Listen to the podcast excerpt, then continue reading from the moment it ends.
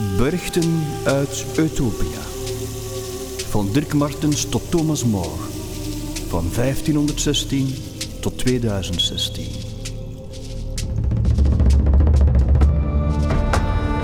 Opgevangen in Aalst door het onafhankelijk radiofonisch gezelschap.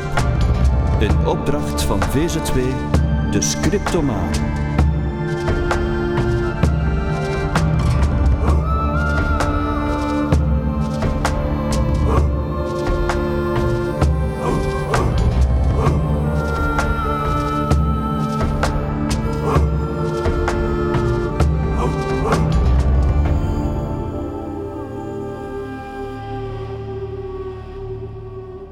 Nu, het is eh, duidelijk dat Utopia, de wezens uit Utopia of Utopia, ehm, door de barrières van de werkelijkheid dringen.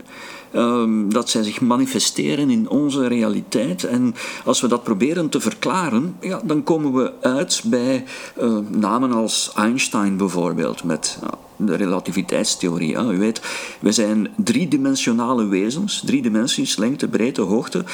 Er bestaat ook een vierde dimensie, is een extra dimensie in de ruimte, die voor driedimensionale wezens zoals de mens niet waarneembaar is. En eventueel kan de tijd geïnterpreteerd worden als een vierde dimensie, en dat is de relativiteitstheorie van Einstein.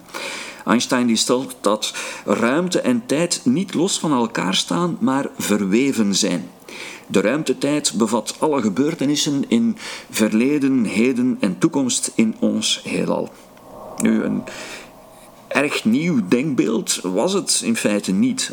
Ehm, de klassieke filosoof Philo merkte al op dat tijd een resultaat is van de ruimte, van het heelal van de wereld. En dat God de ruimte schiep, wat erin resulteerde dat gelijktijdig of onmiddellijk daarna ook de tijd ontstond. En de Incas die beschouwden ruimte en tijd als één enkel concept dat zij Pasha noemden. De volkeren van de Andes hebben dat begrip tot vandaag de dag in ere gehouden. Het Pasha komt ook nog steeds in hun talen voor. Het idee van een verenigde ruimtetijd vinden we ook al terug bij Edgar Allan Poe in zijn essay over kosmologie met de titel Eureka uit 1848. Poe schreef dat ruimte en duur één zijn. En in 1895 schreef H.G. Wells, u weet wel die van The War of the Worlds, eh, in zijn roman eh, De Tijdsmachine. Er is geen verschil tussen de tijd en een van de drie dimensies van de ruimte, behalve dat ons bewustzijn zich langs de tijd beweegt. Een volgende stap die we kunnen zetten is dat, uh, ja, te stellen dat ons denken bestaat uit energie. Mythische wezens, goden enzovoort, zijn slechts materie geworden energie. Ze zijn ontstaan, met andere woorden, uit gedachten, uit gevoelens, uit geloof. En ze kunnen ook opgeroepen worden door woorden, uh, denken we maar aan toverspreuken, door klanken, door bepaalde muziek, door geluidstrillingen, eh, die ook weer energie zijn, en door daden, door rituelen.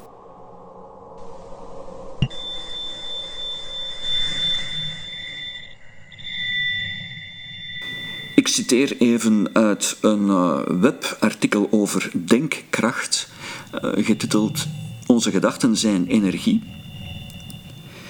Wanneer er celweefsel uit onze huid wordt genomen en onder een zeer krachtige microscoop wordt gelegd, kan een geoefend oog elektronen waarnemen die rond de kern van atomen draaien in cirkels.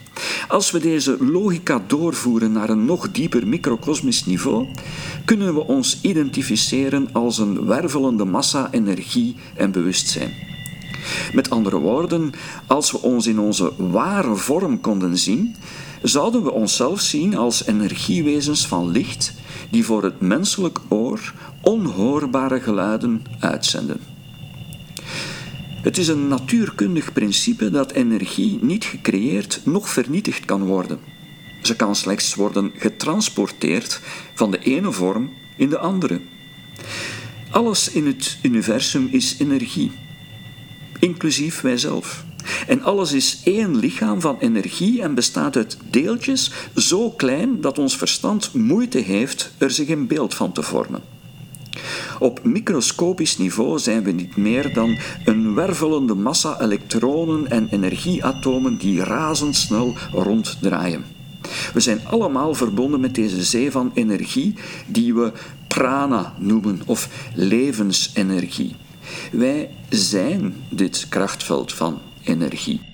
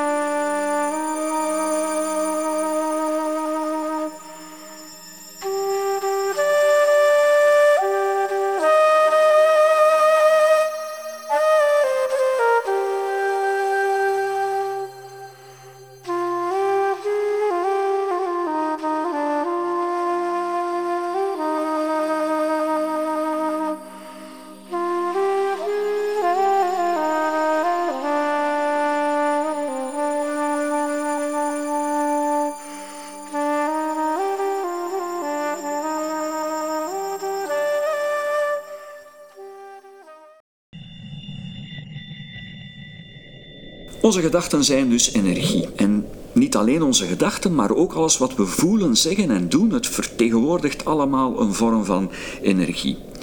Zowel in onze slaap als wanneer we wakker zijn, vormen we een soort van krachtige energiezender.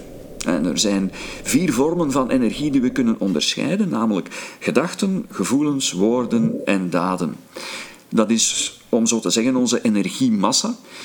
En onze geest, ons bewustzijn, beweegt deze energie voort. In termen van energie zijn wij een samenstelling van deze vier vormen, een som van gedachten, gevoelens, woorden en daden. En wat we op ieder moment denken, voelen, zeggen en doen, zendt dan een soort van resonantieveld uit in het universum, dat naar ons terugkeert om onze werkelijkheid te scheppen als in een spiegel. Ons bewustzijn bestuurt deze energie en we programmeren ons bewustzijn met boodschappen die we naar elkaar, naar elkaar uh, uitzenden. Ieder van ons creëert zijn eigen werkelijkheid. En aangezien energie in cirkels ronddraait en datgene wat we uitzenden ook naar ons terugkeert, bestaat er niet zoiets als een vruchteloze gedachte. Met dit idee zouden we zelfs de wereld op zijn kop kunnen zetten en de hemel naar de aarde brengen, uh, Atlantis weer doen verrijzen, want uh, wij zijn immers verantwoordelijk voor het scheppen van onze eigen werkelijkheid. En we kunnen ons dan ook afvragen, uh, waar bevindt zich ons machtspunt? Vanaf welk punt in de tijd is onze werkelijkheid afkomstig? Waar beginnen we? En hier is maar één antwoord op. Ons machtspunt is nu. De enige werkelijkheid die we hebben ligt in ieder moment zelf. Wat we op elk moment doen, schept onze bestemming. En toch zijn er twee dingen die ons van onze macht afhouden: het verleden en de toekomst. Nou, wat is het verleden? Nou, het verleden dat is alle dingen die we hebben meegemaakt. Dat zijn de gedachten en energie in ons hoofd. En die bestaan uit nieuwsreportages, uit shows, amusement, tekenfilms voor kinderen. Die vol geweld zitten, oorlog, mishandeling, misdaad, gruwel, duisternis. En de werkelijkheid is dat deze beelden, gevoelens, woorden en daden constant ons denken bombarderen. En ons gedachten implanten die we daarna weer terugprojecteren op de maatschappij. Ons collectief bewustzijn schept zo de werkelijkheid om ons heen. En om de omstandigheden om ons heen te kunnen veranderen, moeten we met ons hogere zelf denken, eerst als individu en daarna als collectief. En zo zenden we dan een frequentie uit die hogere trillingen aan zal trekken en dingen om ons heen kan doen veranderen. Nu, Als we wat er in ons midden gebeurt als werkelijkheid aanvaarden, door de gebeurtenissen te bevestigen met onze gedachten, dan creëren we nog meer ego. We moeten dus voor de juiste gedachte kiezen. We moeten beginnen met het veranderen van ons bewustzijn door te denken aan en te geloven in de harmonie en de volmaaktheid van morgen.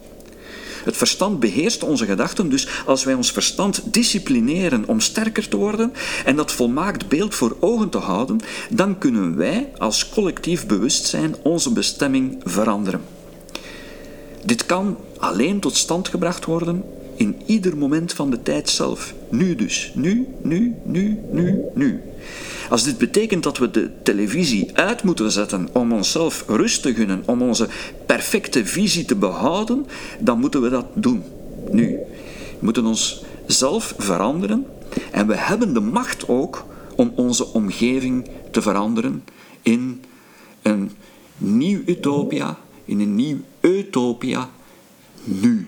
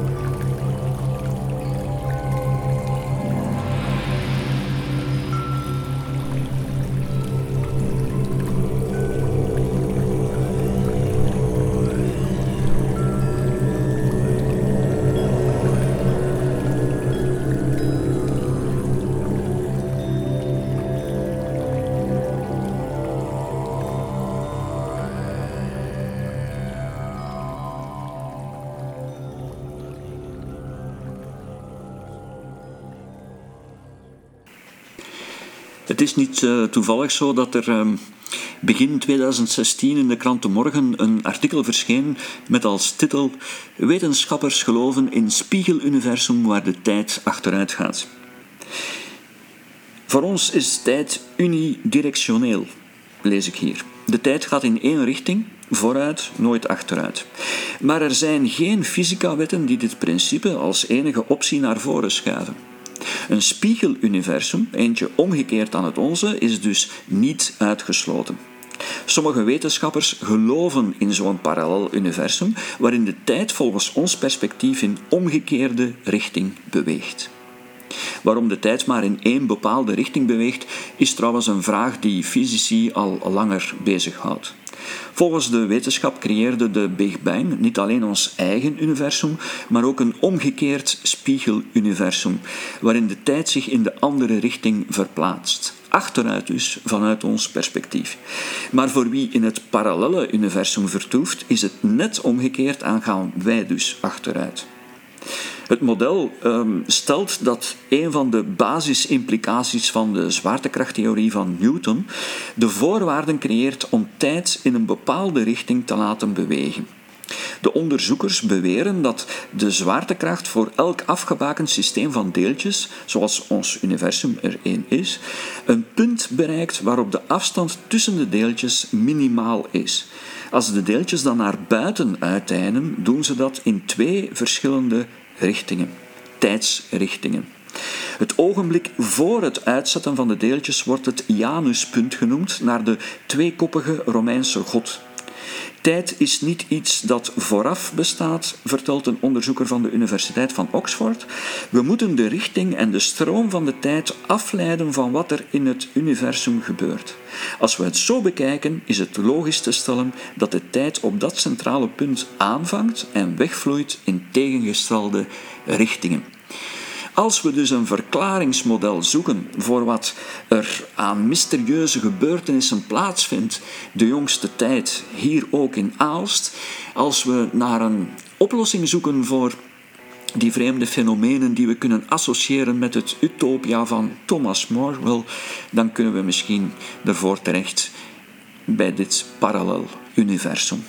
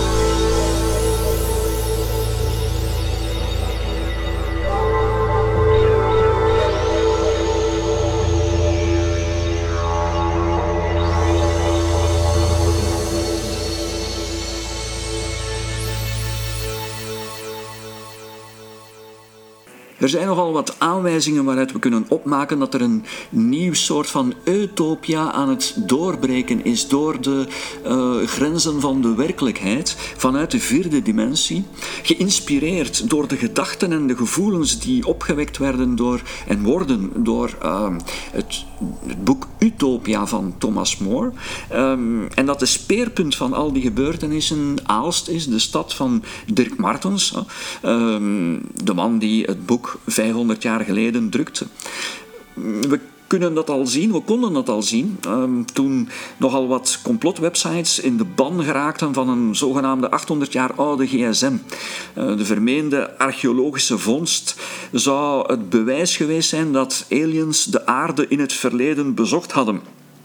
Het toestel werd uh, in 2015 gevonden in Oostenrijk. Um, enfin, dat werd ook beweerd op uh, YouTube.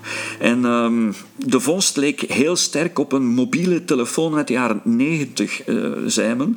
De toetsen bevatten tekens van de Sumeriërs, een beschaving die tussen 3800 en 2000 voor Christus in het huidige Irak leefde. Maar het toestel zelf zou maar zo'n 800 jaar oud zijn. Nu, nieuw onderzoek heeft uitgewezen dat het 500 jaar oud is.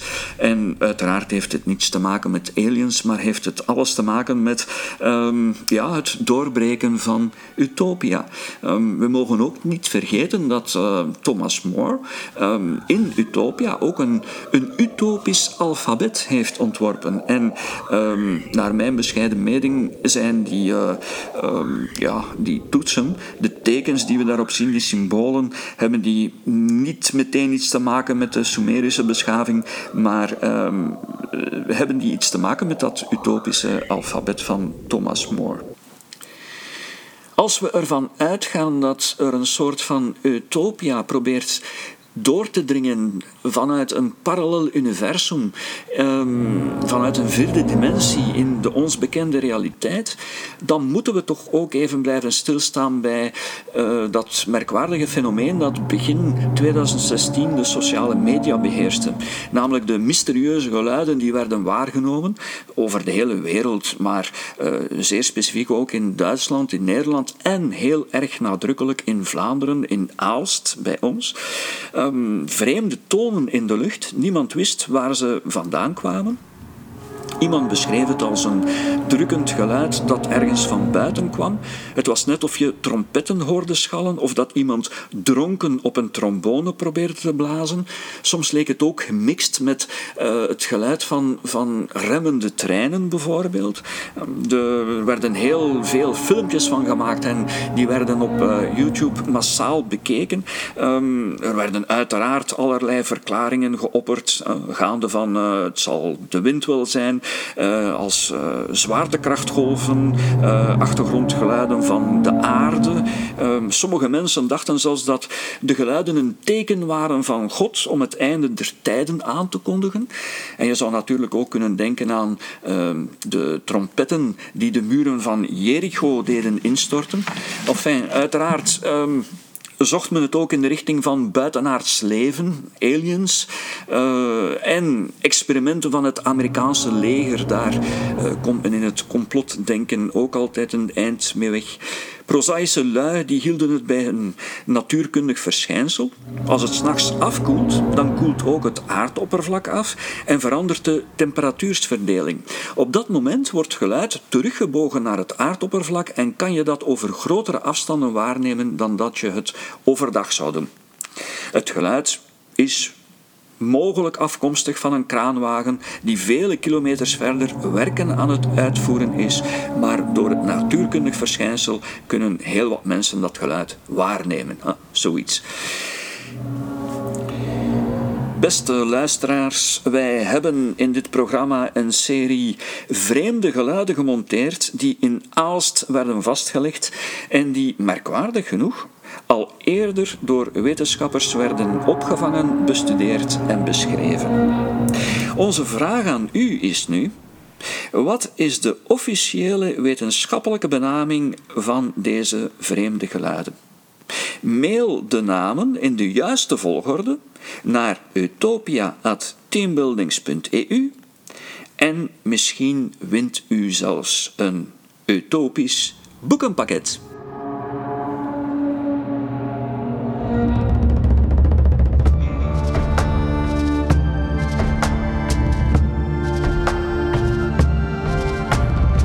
Luisterde naar geluiden uit het parallel universum Utopia.